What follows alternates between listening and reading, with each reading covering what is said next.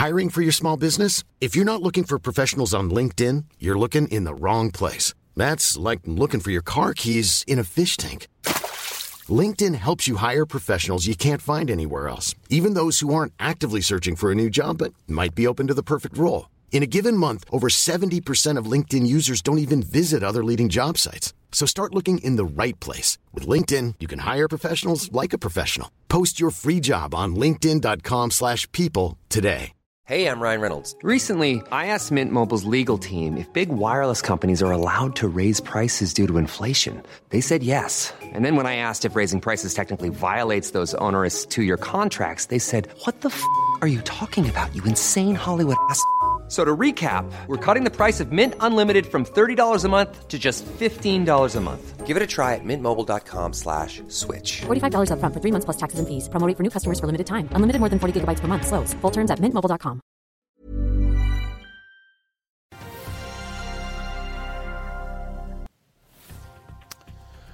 Yme-feltet skaper hodebry for Okea igjen. Har Netflix klart å snu nedgang til vekst, og er køer utenfor spanskekysten av LNG-skipet tegn på at festen kanskje går mot slutten?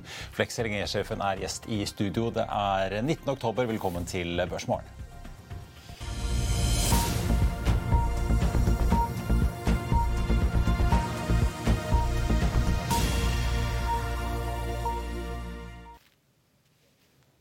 Riktig god morgen og velkommen til oss i Finansavisen. Mitt navn er Marius Lorentzen, og med meg har jeg aksjekommentator Karl Johan Månes. Vi skal altså få med Øystein Kalleklev hvert øyeblikk. DNB Markets venter at Oslo Børs åpner opp 0,2% i dag. Nordnetts Roger Berntsen ligger inne med et på 0,1, etter at hovedindeksen altså steg opp 0,9% i går. Vi så Wall Street også hadde en god dag. Dow Jones sette opp 1,1, Nasdaq 0,9, SMP 500 opp 1,1. I dag har vi sett litt blandet utvikling i Asia, der bl.a. det japanske markedet er opp, mens vi ser at de kinesiske indeksene trekker litt ned. Oljeprisen ligger nå ned en halv prosent til 90 dollar og 10 cent for et fat nordsjøolje i spotmarkedet, men den amerikanske lettoljen inne på 83,40. Vi så jo under 90-tallet på nordsjøoljen i går, etter at flere medier begynte å rapportere at Det hvite hus da planlegger å slippe flere millioner fat olje fra det strategiske amerikanske oljelageret frem mot jul da, for å kontre den europeiske innføringen av oljeembargo mot Russland, som da trer i kraft fra i desember, og dermed også stabilisere markedet litt grann. I tillegg så kom det også frem at det amerikanske energidepartementet da søker å innføre en tilbakekjøpsordning for lagerne. Man skal legge seg da på et prisnivå rundt 70 dollar fatet. Jason Bordoff kan vi jo merke oss. Obamas tidligere energirådgiver, som nå er ved Columbia Energy Institute, var ute på Twitter og pekte på at dette slippet fra lageret er en del av den rammen som Det hvite huset annonserte tidligere i år, at nyheten egentlig da ligger i dette tilbakekjøpet. Apropos olje, Okea er ute med oppdateringen for tredje kvartal. De så inntektene øke fra 1,3 til 2,1 milliarder kroner. Videre så nedjusterer selskapet nå produksjonsguidingen sin for i år fra mellom 16 og 17 000 fat dagen til 15 til 16, ekskludert av de tilleggsvolumene de får inn fra vintersalget er transaksjonen som egentlig da skal tre i kraft 1.1.22. Produksjonsguidingen for neste år den opprettholdes på mellom 25 og 27 000 fat dagen. Og det er igjen, får vi si, Yme-feltet som er utfordringen. Selskapet skriver at de som tidligere kommunisert har sett at opptrappingen på Yme-feltet har gått langsommere enn ventet, og at en skade da i prosessrørsystemet i tredje kvartal resulterte i en uplanlagt produksjonsstans på seks uker. Okea tar også og skriver ned denne verdsettelsen på Yme-feltet sitt i regnskapet med mellom da 550 og 650 millioner før skatt, og dette er da knyttet til at de kutter 15-20 på YM-reservene sine, sammenlignet med det de trodde da per utgangen av 2021. Så har Sidril gjennomført det tidligere meldte salget av Jacob Rigger til Ades, og det betyr at de får inn rundt 6,6 milliarder kroner i kontanter, litt avhengig av endelige justeringer. Litt på makrofronten. Britene har kommet med inflasjonstall, og etter at vi så 10,8 i Sverige for september, så klinker britene til med 10,1, opp da fra 9,9 i august, og litt høyere enn den inflasjonen på 10 blank som var ventet. Kjerneinflasjonen i september tikket opp fra 6,3 til 6,5. Og det var da spesielt økte priser for hus og husholdninger som drev prisene opp, også mat og drikke. Fallende drivstoff trakk litt i andre retningen. På eiendomsfronten så er Entra ute med sine tall. De skriver ned verdien av porteføljen med 3,8 milliarder kroner, som også gir en ganske så sur bunnlinje på minus 3,4 milliarder. Renteinntekten og driftsresultatet var bedre enn på samme tid i fjor, og Entra-styret foreslår et utbytte på 2,60 kroner per aksje. Driftsresultatet var akkurat som ventet, ifølge tall fra Infront. God morgen, eh, Karl Johan. Skal vi kaste oss litt over det store snakkisen etter stengetid på Wall Street i går, nemlig eh, Netflix, som etter to kvartaler plutselig kan, med fall kan vise til oppgang i medlemsmassen igjen? Stranger Things, er det det man sier? ja, i ordets rette forstand. ja. Veldig populær serie, The Crown. Og, og eh, de har jo også skaffa seg veldig mange abonnenter i Asia. Da. Men samtidig så, så tar jo de bort uh, abonnementstellinga. Det er fornuftig. De ja, For neste kvartal så skal de ikke drive og guide på medlemstallene. De klinker til likevel. Jeg så det, De steg vel med 2,4 millioner ja. i dette kvartalet. Varsler over 4 millioner neste kvartal i, ja. i da fjerde kvartal. Men så er det slutt på guidingen. Ja, men det er naturlig, for nå skal de, uh, nå skal de begynne å stramme inn. Det er jo 41% av brukerne som driver og deler passord. Og det, det, er spesielt utbredt dette her i uh, landet der at man ikke har så sterk betalingsevne. Så det, du skal begynne å ta betalt på en litt annen måte, og, og det vil jo medføre store rokeringer i, uh, i uh, måten man bruker dette på. Lansere abonnementsplan på ca. en tredjedel av prisen på den vanlige prisen. Og der at du da må bruke, se på annonser. Og annonser det var lenge veldig upopulært på, også på internett, på sånn YouTube-reklame. Men etter hvert så blir annonser mer og mer akseptert. Så vi må liksom bare være forberedt på at det blir eh, veldig mange overraskelser. Men nøkkelen til suksessen er jo du må hele tida ha nye show. altså du må Innhold, innhold, innhold? Ja da, du må, du må binging, binging. altså Du må ha noe som sitter som drar til det nye.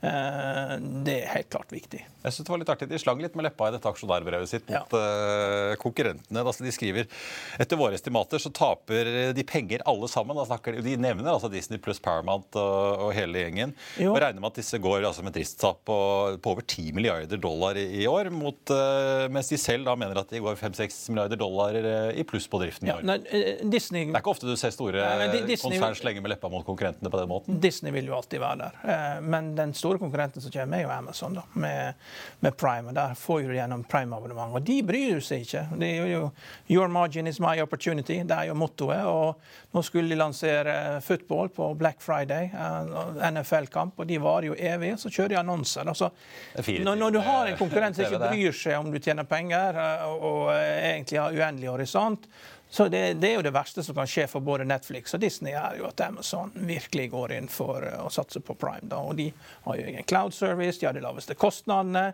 Så, så, de tre er de som helt klart vil overleve. Og resten vil på et eller annet tidspunkt bli eh, konsolidert. Paramount er jo fantastiske show med Yellowstone 1884 og alt dette, men det hjelper jo ikke det når det føles som tekst-TV når du skal inn og logge det. Så det, det går jo ikke. ikke sant? Det er jo ikke... At du alltid blir spurt om passord? Ja. ja.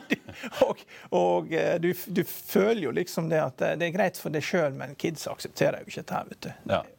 Men det er en liten knekk for Netflix, men åpenbart er en ny fase for selskapet når de nå ikke skal drive og guide på medlemsvekst og medlemstall lenger, men inntjening, marginer og litt mer eh, ja. ordinære tall, som man er opptatt av i en moden butikk? De, de, er jo vant til å omstille seg. Det var vel, det var vel, sjefen starta vel Netflix. Det begynte jo med en sånn der diskett. Du abonnerte på disketter hele sendte Du abonnerte på det, USA. Du fikk ja, DVD-er i posten i sånne fine Og Det var bare fordi han fikk late, han, han fikk late fee fra Black Blockbuster. Det var hele, Jeg ble så forbanna jeg gikk og starta dette her. Og så har det blitt en streamingservice ut av det. Så så Netflix blir det, men hvor lønnsomt det blir når dette her begynner å stramme seg til, og de andre får konsolidert, det vet jeg ikke. Det er, det er ikke en risikofri aksje. Det er altfor mye Litt som Amazon og Disney ja. har i parkene sine, så blir det spørsmål om, de, eh, om, eh, ja, om, hvor stor fordelen er å drive og koble det sammen med andre ting enn bare streamingen versus Netflix, som eh, kan konse fullt på det. Ja. En annen ting jeg la merke til i går, disse amerikanske flyselskapene fortsetter å levere som bare rakkeren. United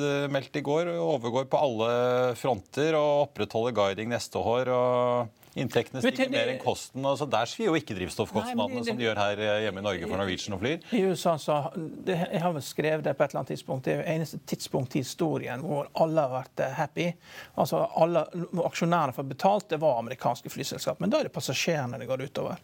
Eh, da er det de som må betale. Og, du har fått inn McKinsey-konsulenter, til og med Warren Buffett godtok det og så at dette var bra business. Og det er lite folk foran gardinen der. slik at når da du har veldig mange som som er vant til å betale mye. Jeg tror jeg en har betalt 2000 dollar for en, for en sånn eh, coach class fra Chicago til Austin. Det er jo helt absurd. ikke sant? Men, men du får liksom sånn captive audience, da, og folk vil reise. De, og amerikanere har kanskje fått litt mer frihet til å Det har vært veldig mye FaceTime i USA. at du, liksom, du, må, du må være på jobb. Når du løser opp dette her, da, Eh, der du kanskje må bare være på jobb eh, tre dager i uka. Det begynner å bli sånn som i Norge, at du har mandagene fri. Eh, du har hjemmekontor med, med. Og det er ikke oss, da, vi er jo på jobb fem dager i uka, men det er veldig mange som har fått frihet i USA til å gjøre hva de vil. og Da blir det mer reising. Og, og, eh, det er mange, veldig mange som tjener godt. og da, Las Vegas for eksempel, går jo så de griner, som jeg hører. Og, og med frihet med frihet til å disponere tida si, de som har penger, og da blir etterspørsel til fly. For det, det, er klart, det fly er jo som heroin. ikke sant? Når du først liksom begynner å fly, du vil jo aldri slutte å fly. ikke sant? Det tar jo deg til helt andre plasser, andre klimaer. Hvorfor tror du Gran Canaria er så populært? For ja, og fortsatt, ja. fortsatt er det? Det er veldig, veld, Du får utrolig value for money av et fly som tar det langt av gårde til en helt annen opplevelse i løpet av noen timer. Før vi går til uh, reklame, tenkte jeg bare å nevne hovedveksten uh, starter, opp, uh, starter ned. unnskyld, 0,1 nå i dag. En aksje som veldig mange har fulgt med på, Atlantic Sapphire, har jo falt kraftig de siste par dagene etter oppdateringen om hvordan det går borte på oppdrettsanlegget i Florida. Den aksjen er nå opp faktisk 6,8% etter da to dager med kraftig fall. Først ned 45,8% på mandag, og da 33% til i går. Vi skal ta en Flex LNG-sjefen her og vi er tilbake rett etter dette. La oss i Finansavisen hjelpe deg med å holde deg oppdatert på alt som skjer i finans og næringsliv. Hver morgen er jeg, Marius Lorentzen, og aksjekommentator Karl Johan Målnes på plass i studio for å ta tempen på dagens marked i Børsmorgen. På ettermiddagen oppsummerer vi alt du trenger å vite i økonominyhetene, og så får vi selvfølgelig besøk av masse interessante gjester. Du finner oss på fa.no-tv eller ved å søke opp Børsmorgen og Økonominyhetene der du hører på podkast.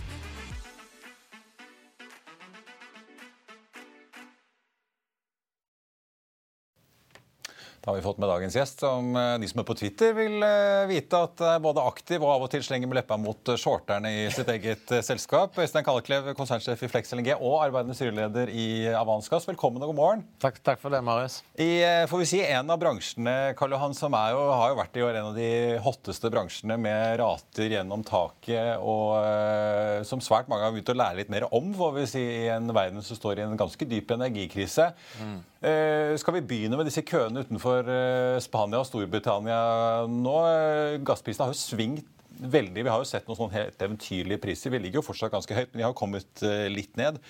At det nå faktisk er kø utenfor Spania, er det et tegn på at markedet begynner å rydde opp, at ting går seg til, og at prisene vil begynne å komme litt mer ned? Ja, altså du kan si Gassprisen var jo nede i Europa på 1 dollar per million BTU. Han var faktisk under 1 dollar per million BTO sommeren, eller våren 2020 etter covid. Så har den vært oppe i over 100, så den har gått 100-gangeren. Eh, TTF-en, da, som er gassprisen i Europa i dag i, Den altså, ja, Den er rundt 40. Men problemet er at i Europa, som har da fått en situasjon hvor man ikke får rørledninggass fra Russland, har måttet erstatte det med LNG.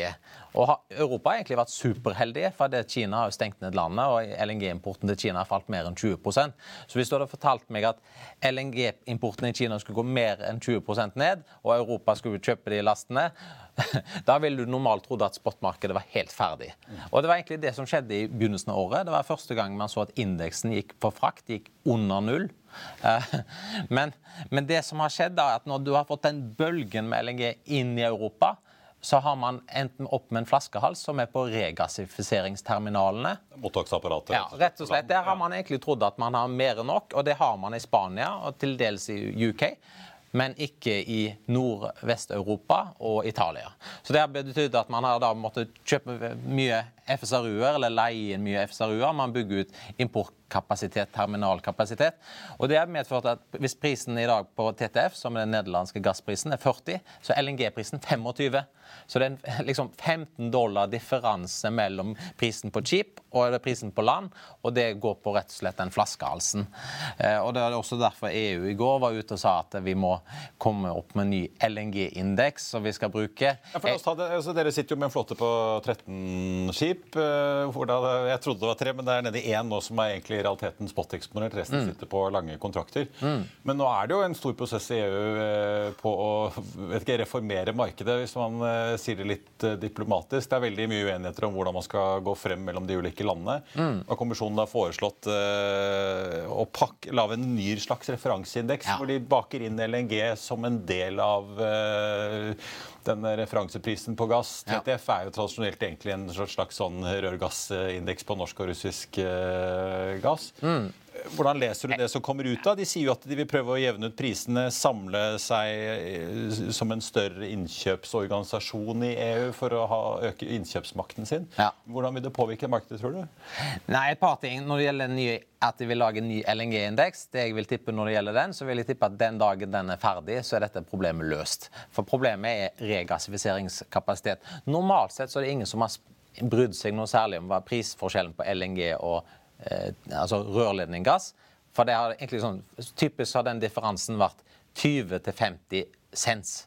Sant? Nå snakker vi 15 dollar, og han har vært oppe i 25 dollar.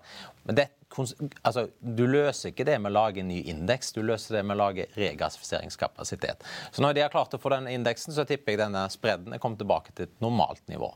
Så det, først og fremst så tror jeg det er en, egentlig en helt unødvendig eksersise. Så når det gjelder jeg så hun Ursula von der Leyen i går komme ut og si at nå må energiselskapene i Europa begynne å samarbeide for å bruke sin samlede kraft til å oppnå bedre priser. De må jo gni seg i hendene i OPEC nå, for det har jo egentlig legitimisert at man bør bruke kartell. Er den måten man skal drive forretnings... Ja, kartell er det den nye virksomhetsmetoden i Europa. Og man hadde jo tross alt et common market som Jacques Delors fikk gjennom for 30 år siden. Der skal man nå ødelegge den forretningsmodellen. Problemet til Europa er at man har vært altfor avhengig av Russland. Og når den kranen stenger igjen, så kan man ikke løse dette med masse regulering og nye regler og indekser. Man kan løse det med å bygge importterminaler. Og så må man løse det med å ha nye langsiktige avtaler på å kjøpe gass. Men Problemet er at ingen europeiske selskaper tør å kjøpe ny gass.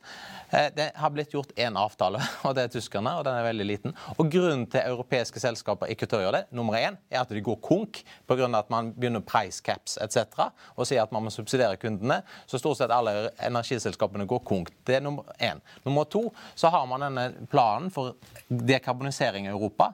Hvis du skal kjøpe en ny LNG-kontrakt, så må du typisk binde deg opp i 20 år. For det er enorme investeringer som må til. Så for at den som bygger terminalen, skal kunne betale det tilbake, så må han ha en langsiktig kontrakt. Men ingen tør å gjøre det i Europa, for de vet jo ikke om EU om når, når ting har normalisert seg. Om fem år kommer da Ursula van der Leyen eller hennes neste avtaker til å si nå legger vi på 200 euro per tonn i skatt på naturgass eller noe sånt. Det er altfor uforutsigbare rammebetingelser. og Det er hovedproblemet til EU. Og det, faktisk, de gjør ting verre med å komme med alle disse nye reglene. Men tror, du de har, tror du de har, har, har de liksom noe kjøpsmakt i det hele tatt, eller vil det bare ende med at uh, skipene til dere og andre da seiler uh, til Asia slik de egentlig gjorde før, hvis ikke Europa betaler nok? Ja, altså Det som Europa nå ønsker å gjøre, det er jo stort sett å si at land som Norge, Algerie Eh, eh, Kasakhstan, de som har rørledninger inn til Europa, dere får for godt betalt. Så vi vil cappe prisen deres, som egentlig litt sånn monopolistisk eh, populisme. Eh, og så har de hintet tidligere at de vil også cappe prisen på LNG. Men hvis du da har en last i, i, i USA så, og du, du, tar jo ikke den til Europa, da, du tar den til Asia. Og faktisk Asiaprisen i dag den er rundt 30. Så hvis du sier at Rørledningsprisen i Europa er 40, LNG-prisen i Europa er 25. så faktisk LNG-prisen i, Asia kommet seg opp til 30. For kinesiske myndigheter har sagt nå nå må dere slutte å selge så mye LNG-laster til Europa at vi går tom for gass i, i, i Asia. Så faktisk nå er arbitrasjen i, i, fordel av Asia. Så det tror jeg vil også løse det problemstillingen du snakket om, med at mange skip ligger i i, i, i, lager. For det er rundt 35 skip som ligger i lager i dag i Europa. Det skyldes tre ting. Det skyldes at man har flaskehalsen på regassifiseringskapasiteten, som jeg nevnte, som gjør at du, du har en kødannelse. Nummer to så har du en gasspris som er kontango. Det vil si at Hvis jeg selger en last til deg nå i begynnelsen av november på kall 25 Hvis jeg selger den til deg i slutten av november, så får jeg kanskje 27. Og Det vil si at jeg kan tjene kanskje opp mot 8 millioner, 8 millioner dollar mer på lasten. De fleste skipene i LNG er chartra inn på, på, på, på, mye lavere langsiktige rater. Så la oss si at vi betaler 100 000 dollar dagen. Da er det 3 millioner i frakt. 8 millioner mer på lasten. Jeg har tjent 5 millioner dollar mer på å selge den senere. Så Det betyr at folk er insentivert til å la skipene ligge i flytende lager. Og så Den siste tingen som vi til dels ser, det er også at det er en flaskehals på, på land i forbindelse med lagringskapasiteten av gassen. At det er en del tanktops på terminaler som gjør at du må rett og slett flyte av den grunn. Men, Men ligger, ligger, ikke det en del FSRU-er som ikke blir brukt nå, sånn som Høga f.eks. utenfor Indonesia og Argentina? For de, de, ble jo kjøpt fordi at man skulle ha billig gass. Ja istedenfor dyr olje. ikke sant? Ja. Nå, nå, er gassen dyr, så jeg regner med at eh, de blir jo ikke brukt, men man får vel ikke løst disse her og flytta de til Europa? gjør man det? Jo da, masse av de flyttes inn, inn til okay. Europa nå. Okay. Eh, både Golar, Høg, Dina Gass, uh, okay. Gasslog de flytter terminaler inn til Europa. Så eh, jeg er helt enig med deg, gass var jo du, fortsatt to tredjedeler av LNG-en i dag selges til 25 cirka, rabatt til olje. Men det er bare at Europa kjøper kun spotlaster, for de har ikke de lange kontraktene som man har i Asia. Du har ikke noe LNG-krise i Kina, Sør-Korea, Japan. Der kjøper man LNG til 20 De har kjøpt i mange år. Altså, ja, der kjøper man de til 25 rabatt til oljeprisen. Altså, vi, vi, vi, vi, i Vest-Europa og USA sluttet jo å bruke olje til eh, å lage elektrisitet etter mm. OPEC-1, men det gjorde jo ikke utviklingslandene. De har jo brukt olje. Jeg sier ikke det. Danske myndigheter har bedt uh, Dong Energy så klar med oljekraftverk i reserve i vinter. Danskene er alltid litt lurere enn alle andre, vet du. Ja, ja, ja. Men jeg på, altså, Som investor, hvis du ser på shipping generelt, så er det jo egentlig to segmenter hvor det kommer tonnasje inn av betydning. Det er mm. container, hvor det også har vært mye køer i havnen, apropos, og det er LNG. Eh, hvordan reflekterer dere rundt det, og hva sier dere til de som tenker at oh, nå kommer det tonnasje inn, da er det nødt til at uh, ratenivået i bransjen blir presset nedover? Nei, altså sånn vi tenkte vi har, Derfor dere har gått mer på en måte long på kontrakten? Ja, altså vi, vi, vi, begynte med denne prosessen i april uh, i fjor. Så har vi begynt å slutte båter, og vi har sluttet tolv båter nå det siste halvannet året på lengre kontrakt. Og grunnen til vi gjorde det, var jo at LNG-en som kommer til markedet i 2022, uh, 23 og 24 er ganske lite. Så vi var, har vært bekymret for at det er lite volumvekst, men det kom en del skip ut i markedet. Uh, uh, og det var jo sånn sett følte vi beredt til Q1, hvor markedet var helt katastrofe. Det som har gjort at LNG-fraktmarkedet har blitt veldig bra, er jo ineffektivitet, som man også så på containerskip, hvor det var veldig mye skip som lå i venting, venting og det drar opp ratene, for kapasiteten trekker seg tilbake. Nå har jeg jo vært bekymret for Den kødannelsen som skjer i Europa nå, den skjedde også i 2018. Da hadde man en veldig bra kontango. Og man hadde rundt 35 eh, skip i lager i høsten 2018. Og når det ble likvidert på slutten av 18 og inn i 19, så gikk LNG-fraktmarkedet rett ned. Samme som vi så egentlig i begynnelsen av dette året. Men hvis det er slik at nå asiaterne, drevet av Kina, begynner å kjøpe mer laster, så kan den effekten med tonn tid blir utligna av tonn mile. Sånn at okay, de, de, de, likviderer lagrene, men skipene begynner å seile lengre. For det tonn, ton mileage i år har jo vært katastrofe. Det har jo falt. Sant? Pga. alle skipene har gått til Europa. Men det har blitt veid opp av Trondheim. Så det kan være at den reverserer seg neste år. Men det er en av grunnene til vi har sikret båter, er at vi har vært bekymret for volumveksten av LNG i disse årene. Og så får vi se om det har ja, blir en bra strategi, men vi har jo sikret backlog for mange mange år framover. Genererer en veldig sunn kontantstrøm og betaler derfor gode utbytter. Betalte... litt ekstra utbytte her i ja, altså, vi, jo, vi, har, vi, har transformert oss ja. vi har transformert oss fra sportsrederi til å være en cashmaskin. Og så kan man si Det er kanskje ikke like sexy, men eh, man får gode utbytte hvert kvartal. Du nevnte, du nevnte her før eh, at du har lyst til å snakke litt om eh, LPG også. Det er jo enda vanskeligere enn LNG. Hvordan, hvordan er det Du sier at LPG i USA nå er 50% av hele LPG-markedet, og mm. før var det alltid i Midtøsten. Hvordan er det med på å hjelpe energi, på energikrisen i Europa, det som skjer der? Det er ikke så mye som går til Europa av LPG, faktisk. Det er jo sånn, Utgangspunktet LPG er jo den fattigmanns-LNG-en. Da har man ikke Altså i, i Europa, Japan Sør-Korea der har man jo et veldig utviklet rørnettverk. Så man kjøper LNG, og man kunne kjøpe LNG på en billig pris gjennom kontrakter. Men i land som, som er de store landene på import, Kina nesten 30 eh, India, der har man altså, Selvsagt hvis du drar til Shanghai og Beijing, alle de, Ningbo, der har de jo et bra rørledning. Men når du kommer lenger inn i Kina, så har man ikke den samme infrastrukturen. Det samme gjelder jo i, i India. Og da er jo selvsagt alle som har en gassgrill hjemme, vet jo hvor enkelt det er. Man tar den med seg i bilen, kjører på bensinstasjonen, får fulgt den opp på ny, og så kan, har man, har man bren, clean brensel. da, sant? Det er jo mye mer praktisk enn kull. Man kan trykke på en knapp som starter opp, og så har man ikke alt den der sot, aske Det er clean burning, da, sånn sett. Så, så det, at USA har kommet på banen der, har jo selvsagt medført egentlig utgangspunktet bra vekst i tonn mile. Man har ikke den samme pullen til Europa på LPG. Nesten alt LPG ender opp i, i Asia. Og, og, USA da på å kalle VLGC, som er de store båtene, der er det rundt 50 av markedet. En tredjedel av AG og så er det resten av andre land. Så, så, der også har vi jo Det er jo shale-revolusjonen som har skapt eh, det, det, det, markedet her da, på, på, den måten vi ser det i dag. Det blir en, en strukturell, på en måte varig økning i den etterspørselen fra Asia? Da, gitt at Hvis Europa skal ta inn mer LNG fordi de ikke skal kjøpe russisk gass lenger, eh, blir det da en forflytning fordi da den LNG-en som ellers hadde gått til Asia, må ja. erstattes av LPG? Vi, vi, har jo sett det på Kina, har, hvor LNG-importen har falt 20 pluss. Så har de økt på LPG. Eh, land som i dag India, Pakistan, Bangladesh de klarer jo ikke å få tak i LNG-laster, og det er for dyrt for dem. Og det er, så kullbruken øker, så, ja, ja, så, så, så det er jo kull, men, men kull er jo ja. Newcastle Coal er 150 dollar tonn, altså barrel of oil equivalent. Kull er jo dyrere enn olje i dag. Så da er jo LPG halve prisen. I, i, i, fjor, nei, I år i første kvartal så var det plutselig et sånn dropp i raten. Da var det liksom ned på 15 000 dollar dagen. Nå snakker vi om 100 000 igjen for fjerde kvartal. Men hva er det som gjør at uh, vi ikke Er det sesongmessig at det dropper igjen til februar, eller er det rett og slett tilbud og etterspørsel av tonnasje som styrer dette? Ja, nei, altså Det er et godt spørsmål. LPG-markedet er jo på mange måter en litt sånn black box. For det, jeg kan si det sånn at Juli var en bra måned. Da var raten og den snuste på 50. Ja. Det var nede på 20 liksom i august. og Så kom det oppe kanskje på 45 i, i, september, og nå er vi på sånn 70. Og nå husk at Når vi snakker om Baltic, da, det er jo Baltic 1-indeksen, altså AG, og så USA-lastene, som er da 80, nesten 85 av markedet. Men når man snakker da, la oss si at Balticen i dag 70 75 000 dollar dagen, så er det en non-skrubberbåt.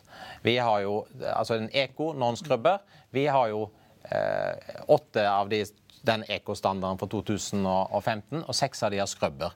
Og Så er det en skrubberspredd på toppen av det. For det er at prisen på heavy fuel oil i dag i forhold til VLSFO, eller marindiesel, den spredden er kjempestor. Mm. Så der den spredden er over 200 dollar per tonn, som da utgjør 10 000 på toppen av det. Så da hvis du sier at en non-skrubber i dag på indeks tjener 70-75, så tjener en skrubber faktisk 85 000-80 000. Og det er derfor jeg og Petter Haugen sier at liksom her kan det fort bli 100 000.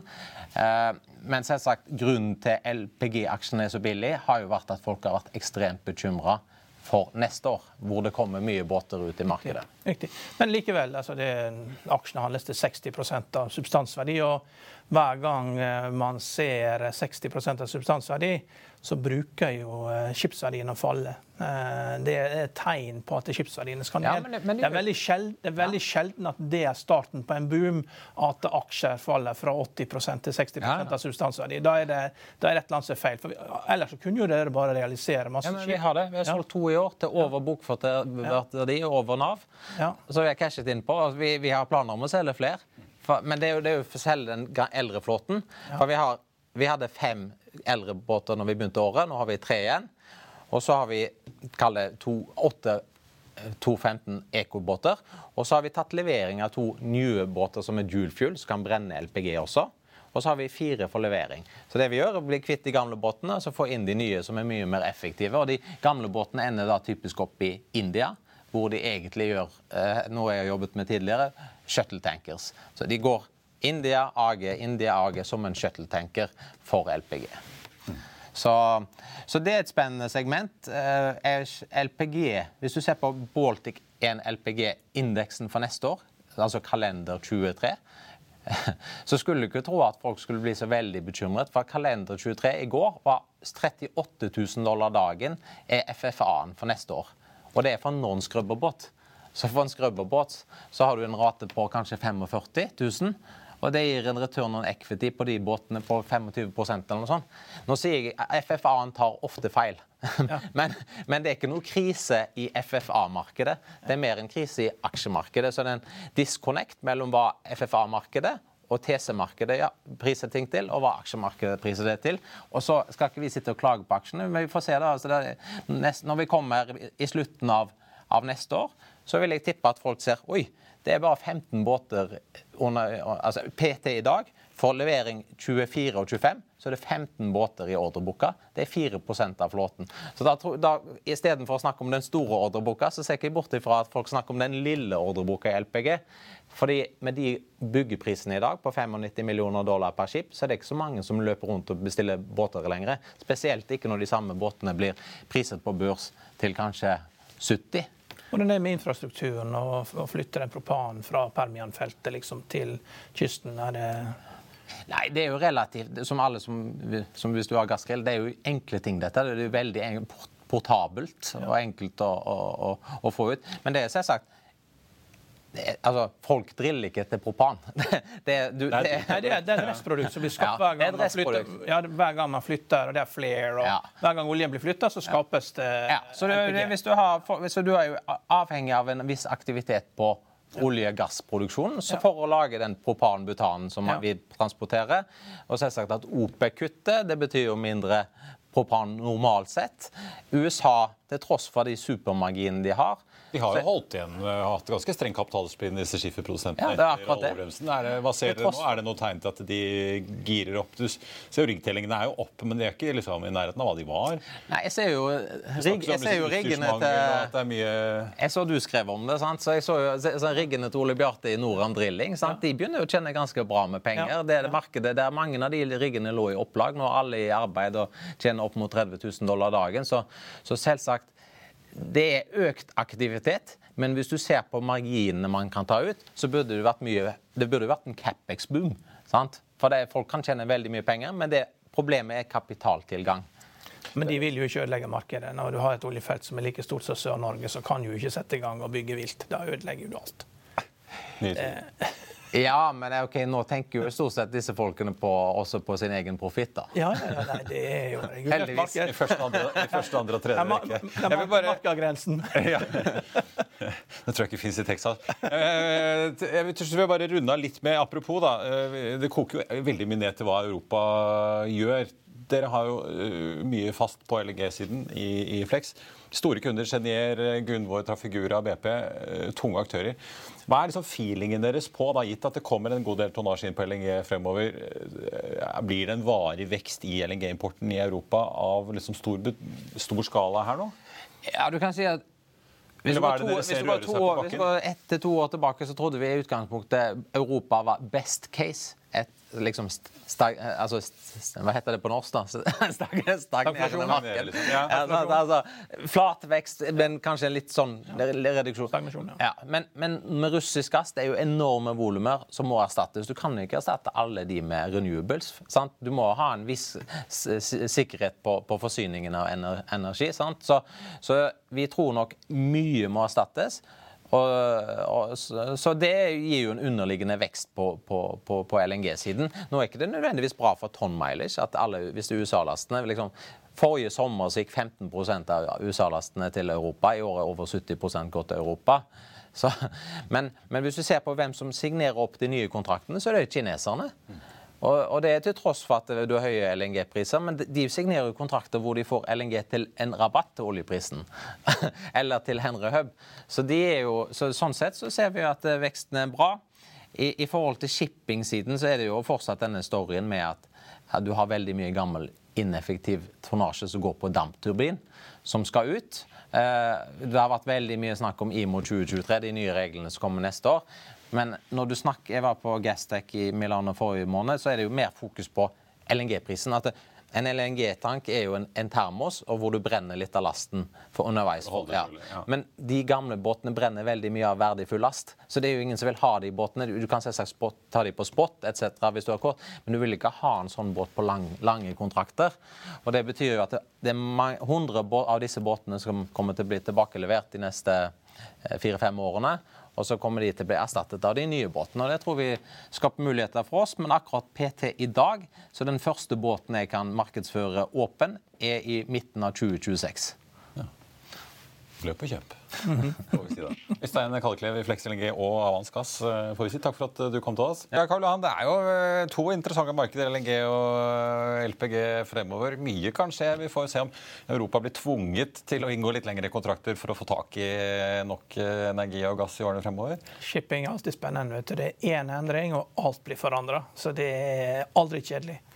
Jeg tenkte vi må litt på slutten eh, snakke om eh, Det kom jo litt sånn eh, ymse rapporter i går om at Apple kutter iPhone 14 pluss-produksjonen sin, men så kom det plutselig kontrabeskjed om at nei, det er fordi flere kjøper Pro-modeller. Så det var litt sånn der vakling i i Apple der på tampen. Og så Fake news ble det kalt, vel? Det ble det også kalt. Ja. Men det er i hvert fall, Vi så i hvert fall at det påvirket jo aksjen litt underveis på Wall Street i går. Men i dag så er det jo selvfølgelig Tesla alle følger med på. Kommer etter eh, stengetid. Produserte et hår under en halv million biler i 2020. Nesten en million biler i fjor. Så folk vil jo begynne å følge med på hva de kan si om eh, andre halvår, da, de, hvor mye over millionen de havner på i år? Aksjene er prisa som om de skal fortsette, altså de skal vokse da med 50 til, til neste år. Da, med, og salget skal vokse fra 85 millioner til 130 milliarder dollar. Det er mye penger. og det er med, jeg anbefaler jo da folk å, å følge med på uh, teknisk analyse. ikke sant? Det er jo det er jo det hvor Stein Ove Haugen sier den klareste hodeskulderformasjonen noen gang har sett. og jo Potensialet er jo liksom ned til 24-26 dollar per aksje. Da. Det er jo ingen analytikere som kommer til å ringe det opp uh, og fortelle dette. Så man må følge med på det chartet. fordi... Ja, litt som apropos, Vi snakket om ja. Netflix ved inngangen ja. uh, i sendingen her. Det, det, er også en aksje som har falt ganske mye fra toppen. Ja, ja og det, Tesla er veldig utsatt. Det, men det, det handler jo om det fundamentale. Hvis de klarer å levere og dette her med å, å vokse salget da fra 85 milliard til 130 milliard, så, så går jo ikke aksjen ned. Men minste tegn på at det, de ikke når vekstmålene, så stuper aksjen. Mm. Og uh, Jeg har jo prøvd å få Steinar Grine er jo høydehopper. da, og Han begynner å nevne hode, skulder, kne og tå for han, så melder han seg ut. da, ikke sant? Han vil jo ha høydehopp. ikke sant, At du, du hopper over. ikke sant, du, Det er veldig viktig. da, Steinar, det, det, det, det er satsen som betyr alt. Du må liksom være i riktig aksje. Satsen betyr alt. men så gjelder det liksom, Når aksjen er 50% så må du liksom vite hvor langt det er ned til tjukkasen da, før du liksom lander på matta. da, og Steinar liker at det er langt ned, da, men hvis du er aksjeinvestor, så liker jeg ikke at det er langt ned til tjukkasen. Du må komme deg ut før, for kapitalen din er jo kroppen din, og den må du bevare til neste syklus. da, Det må ikke være for langt ned. og Hvis du, hvis du er litt for slapp og det ikke er tjukkas under, du lander på hard stein, så knuser du alt. og det er all kapitalen tapt. Det går ikke. Så det her, her gjelder gjelder det å bruke teknisk analyse, for det er det beste målet. Når du mangler informasjon, så er teknisk analyse din beste venn. De lykkeligste aksjehandlerne det er de tradere som bruker teknisk analyse. Da, da, taper ikke du all kapitalen din. Du sitter og følger med, og du, du bevarer kapitalen. For er, aksjer er fantastisk, kan gå tigangen eh, oppover, men du må passe på å ta vare på kapitalen, så det ikke blir med hele veien ned. altså. Det er altså en, uh, et regnskap vi får da etter uh, stengetid på Wall Street i uh, dag, får vi si. da i Rundt ti-tiden i kveld. Den aksjen Tesla altså endte opp 0,4% til 220 kroner i går.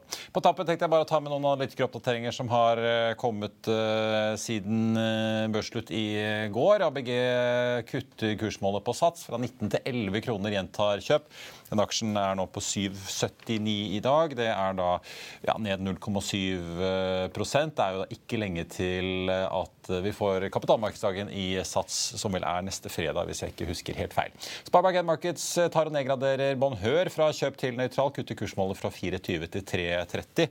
Den ligger nå på 3,05 på børsen, da ned nesten 2% Og så er det Kingfish Company. Hadde en omsetning på nesten 5,5 millioner euro i tredje kvartal mot 2,8 millioner på samme tid i fjor. Selskapet hadde en produksjon på 374 tonn. Den aksjen ligger foreløpig uendret på 12 kroner og 75 øre, får vi si da på en dag der hovedindeksen er nå ned 0,9% så da surnet en god del. Oljeprisen ned en halv prosent, da Nordsjøen til 90 90 dollar og ja, 9 cent nå. Og den amerikanske lettoljen på 83,34. Rundt oss i Europa så er det, ja, det er egentlig Stockholm som er i eh, grønt i dag. Ellers er det jevnt over rødt på alle de store indeksene i Europa. Det var børsmålen for denne onsdag 19. oktober. Husk å få med deg Økonominyhetene 14.30. Da får vi besøk av Knut Vassbotn i Deep Wind Offshore, som har vært på denne havvindkonferansen som er i Oslo denne uken. I mellomtiden så får du siste nytt på FA1 og utover dagen. Vi ønsker deg en riktig god børs videre. Takk for nå.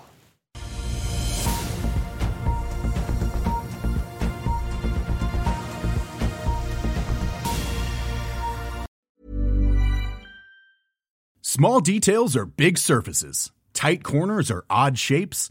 Flat, rounded, textured, or tall. Whatever your next project, there's a spray paint pattern that's just right. Because Rust new Custom Spray 5 in 1 gives you control with five different spray patterns so you can tackle nooks, crannies, edges, and curves without worrying about drips, runs, uneven coverage, or anything else. Custom Spray 5 and 1.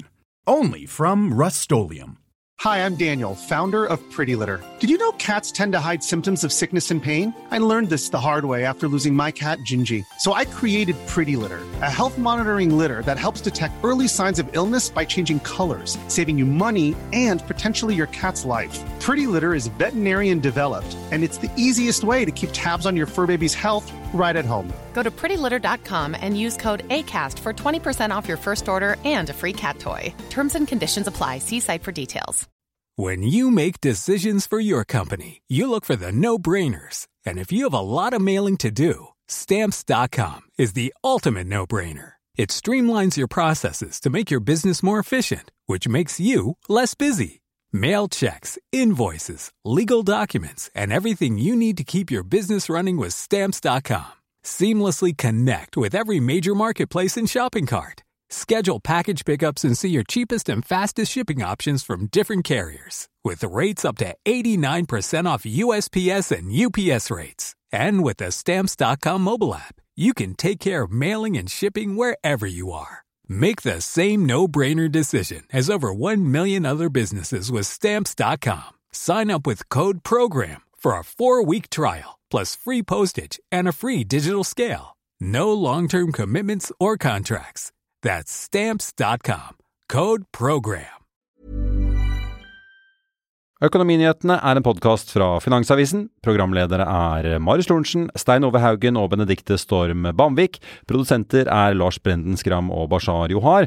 Og ansvarlig redaktør er Trygve Hegnar.